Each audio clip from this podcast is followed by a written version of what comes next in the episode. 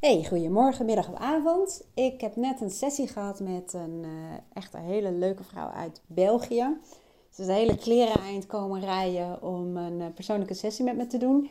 En ze doet ook uh, twee van mijn programma's, online programma en een cursus. En dat was zo gaaf. En ik wilde daarover iets met je delen. En dat doe ik nu even tussen de bedrijven door. Want um, wij starten dan vaak met een bepaalde vraag om bloot te leggen wanneer het probleem opgelost zou zijn. Dus heel erg richting de oplossingen.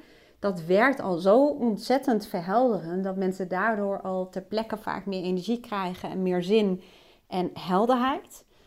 En zij vertelde dat een van de dingen was dat ze dan van haar chronische vermoeidheid af zou zijn. Ik word getriggerd, uh, met name ook wel door lichamelijke klachten omdat dat heel vaak beschermingsmechanismen zijn. Zo'n chronische vermoeidheid heeft vaak een functie. En um, heel veel mensen identificeren zich daarmee, maar het is, het, is een, ja, het is een mechanisme, een beschermingsmechanisme, wat jou wat geeft, wat belangrijk voor je is. Dus ik arceer dan meestal even die, die woorden, daar kom ik dan later uh, op terug. Um, ze vertelde ook dat ze kilo's kwijt zou eh, willen raken. Dan word ik ook getriggerd. Want overgewicht, of dat nou licht is of mild of, of, wat zwaarder, maakt eigenlijk niet uit, is ook een beschermingsmechanisme. Overgewicht is eigenlijk een bescherming tussen jou en de omgeving. Een bescherming om je te, ja, te beschermen tegen kritiek van buiten. Uh, in allerlei vormen. Het is letterlijk een laagje, een, een barrière tussen jou en de ander. En als je leert dat beschermingsmechanisme te kennen en ontdekt wat de functie daarvan is, wordt het feitelijk overbodig. Ja, door, door, um, ja, doordat het jou iets geeft, doordat het je iets oplevert, waarschijnlijk iets heel goeds, blijft dat beschermingsmechanisme in stand en blijf je het letterlijk en figuurlijk voeden. Ik heb namelijk al vaker gehad dat als ik hiermee aan de slag ging, dus op mentaal niveau en dat beschermingsmechanisme onderzoeken, ook kijken van, um, nou, er zit ook vaak een andere kant in jou die, um, die, die juist tegenovergestelde met je wil. Ik zal niet heel erg doorzagen over de techniek, maar um, ik merk dus in ieder geval in de praktijk vaak dat mensen terugkomen bij me. Er zit dan vaak twee, drie weken tussen. En dat ze zeggen, echt bizar. Ik ben gewoon een paar kilo afgevallen. Maar ik doe verder niks anders aan mijn levensstijl. Nou moet ik wel heel eerlijk zeggen dat dat vaak wel zo is, maar onbewust. Dat is wel het grappige, dat ze dus onbewust wel dingen hebben veranderd, maar daar zijn ze zich niet van bewust. Maar um, ze raken kilo's kwijt. Dat is dus niet voor niets, omdat ze dat beschermingsmechanisme onder de loep hebben genomen en minder vasthouden. Het wordt minder functioneel. Ik blader even in uh, mijn aantekeningen. Want de reden dat ik nu even de recorder aan heb gezet, omdat ik dacht, ik wil dit soort dingen vaker delen, omdat jij daar misschien ook wat aan kunt hebben. Um, want zij gaf namelijk ook aan dat ze veel meer alleentijd zou willen hebben. Dat er nu veel mensen in haar leven zijn en ze is bijna niet alleen. Het grappige is, we gingen samen kijken naar dat beschermingsmechanisme van haar en wat daarvan de functie was. Nou ga ik dus even verder bladeren. En ze zei wat eruit kwam, is dat die kant inderdaad heel actief is in haar leven. Dus die, die beschermingskant, om het zo te zeggen. En dat die kant effect heeft op haar moed en haar omgeving. Op het moment dat ze dus heel veel moeite is, is ze niet te genieten. En dan wordt ze met rust gelaten. En in één keer had ze de eye-opener. Ze zegt, dan heb ik alleen tijd. Yes, dan krijg je alleen tijd. En ja, dat was eigenlijk de grootste eye-opener. We hebben nog meer bekeken wat, wat, wat levert hij die uh, bescherming op, hè? de, beschermingsmechanismen. Wat, wat, wat, ja, waar draagt hij aan bij? Wat doet hij? Nou, grenzen bepalen. Ze zegt, door als ik zo vermoeid ben, dan moet ik wel rust nemen. Ze zegt vaak, als ik daar niet aan toegeef, dan krijg ik ook nog rugpijn. Dan, dan kan ik niet anders dan alleen in een kamer liggen. Uh, ze zegt, en door die vermoeidheid word ik gedwongen om bewuste keuzes te maken. Want ik kan mijn energie maar één keer inzetten. Dus ik moet daardoor de hele tijd denken, oké, wat wil ik doen? Wil ik dit doen? Geef me dat energie? Dus het levert haar heel veel op. Snap je hoe dit werkt? Het levert haar zoveel op. Dus er is op dit moment, net nog, was er geen reden om afscheid te nemen van die chronische vermoeidheid. Omdat het zo'n goed functionerend uh, beschermingsmechanisme is.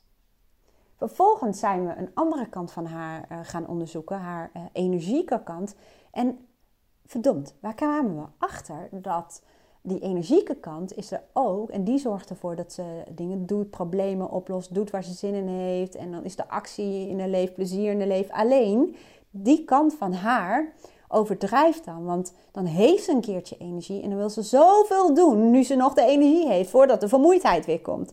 Dus ze slaat dan door in haar energie ja, en daar voel je hem al wel aankomen. Ze verbruikt dan eigenlijk al haar energie. En dan vervolgens komt vermoeidheid weer. Ik noem dat een intervalleven. Dan ga je van piek naar dal, piekdal, piekdal, piekdal. Dus ik teken eigenlijk dat altijd uh, uit. En dan kun je er donder op zeggen dat het een patroon is dat je je een dag heel goed voelt, volgende dag herstellen. Of dat je een paar dagen heel goed voelt en flink aan het knallen bent en daarna ben je gaar en uh, beland je soms zelfs in een soort depressie. Maar dat komt uh, omdat daar totaal geen balans in zit. Ik heb samen met haar aan de hand van een paar technieken die ik met haar doe en die ik haar leer om het zelf te doen. Mijn doel als coach is om jou uh, te helpen om kennis over jezelf te vergaren, inzichten. En ik geef jou ook tools waarmee je dat met jezelf kan doen. En ik geef jou ook tools om uh, ja, wat we hier samen doen ter plekke, om dat zelf ook te doen. Want dan gaat het balletje lekker rollen. Want ja, ik gebruik het als metafoor. Je gaat toch ook niet in de auto hard rijden overal naartoe als de tank vol is. Net zolang tot die leeg is. En dan sta je aan de kant van de weg en dan zeg je... ik moet even iemand bellen om mijn tank bij te vullen of whatever. Dan ga je toch ook elke keer bijtanken. Ja, het klinkt een beetje heel cliché, maar... Ehm, dat deed ze met haar lichaam niet. Dus wat wij samen hebben gedaan...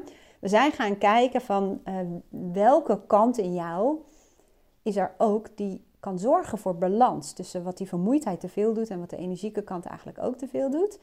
En toen kwamen we achter dat dat rust en ontspanning is. Dus we hebben een kant in haar geactiveerd. Klinkt een beetje gek, dat zal ik nu ook niet helemaal uitleggen. Maar um, die gaat zorgen dat ze op tijd herstelt. En we hebben die kant zo goed onderzocht dat ze ook helemaal een beeld heeft wanneer komt die kant uh, naar voren. Hoe voelt ze dat ze dat moet doen? En wat moet ze dan doen? Hoe ziet herstellen eruit? Hoe ziet ontspannen eruit? Hoe ziet rust nemen eruit? En je zag gewoon, ik, dat gebeurt steeds, aan tafel haar veranderen. In haar gezicht, in haar houding. En ja, er zijn heel veel eye-openers, maar doordat we het, het is een soort interactieve sessie, waardoor, waardoor dingen ook heel goed verankeren in je, in je, nou ja, in je hersenen. En we doen wat dingen um, wat invloed heeft op je onderbewustzijn. Dus eigenlijk een verschuiving van die kanten. Die vermoeidheid zat, als je een beetje bekend bent met systeemtherapie, familieopstellingen, zul je misschien wel beelden bij hebben. Die vermoeide kant zat heel dicht tegen haar aan. Dus die is er de hele tijd. Die, zodra die de kans krijgt, dan, dan, dan is hij er. En die energieke kant was ook dicht bij haar. En zodra die de kans kreeg, dan liet hij zich ook zien. Klinkt allemaal een beetje dubieus, ik weet het, maar het werkt echt heel erg goed. Heel veel dingen kunnen we op cognitief niveau, op bewust niveau oplossen, maar sommige dingen zitten ook in je onderbewustzijn. En je kunt heel erg gaan graven, maar je kunt ook met bepaalde leuke technieken zorgen voor verschuivingen. Dus de, haar rust- en ontspanningskant zat heel ver weg. Die, die, die kon ze niet eens zien. En die hebben we bij wijze van spreken naar voren gehaald. En um, ja, daar, daar, die heeft ze onderzocht van wat voor kant dat is. En daar heeft ze nu al meer toegang uh, toe. Hoe zeg je dat? Nou, ik kan me zo voorstellen dat je niet helemaal beeld hebt van hoe gaat dat in zijn werk. Dat snap ik.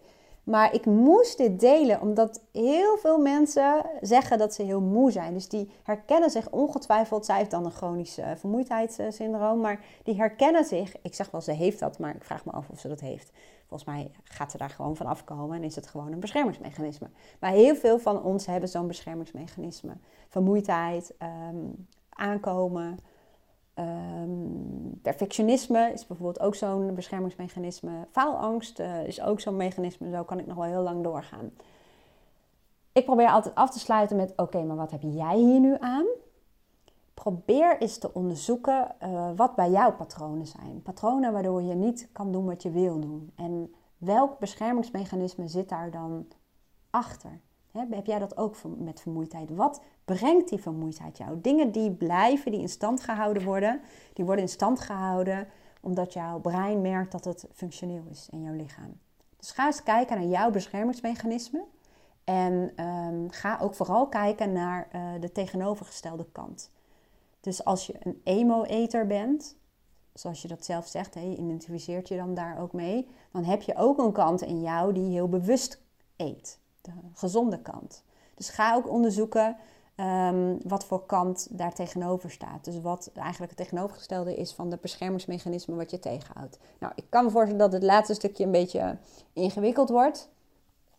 Um, even denken. Um, nou, je bent natuurlijk altijd van harte welkom om een uh, sessie bij mij te boeken. Um, dat kan altijd. Kun je via mijn website één losse sessie uh, boeken. En dan kan ik je dit al leren. En dan kun je er zelf mee aan de slag.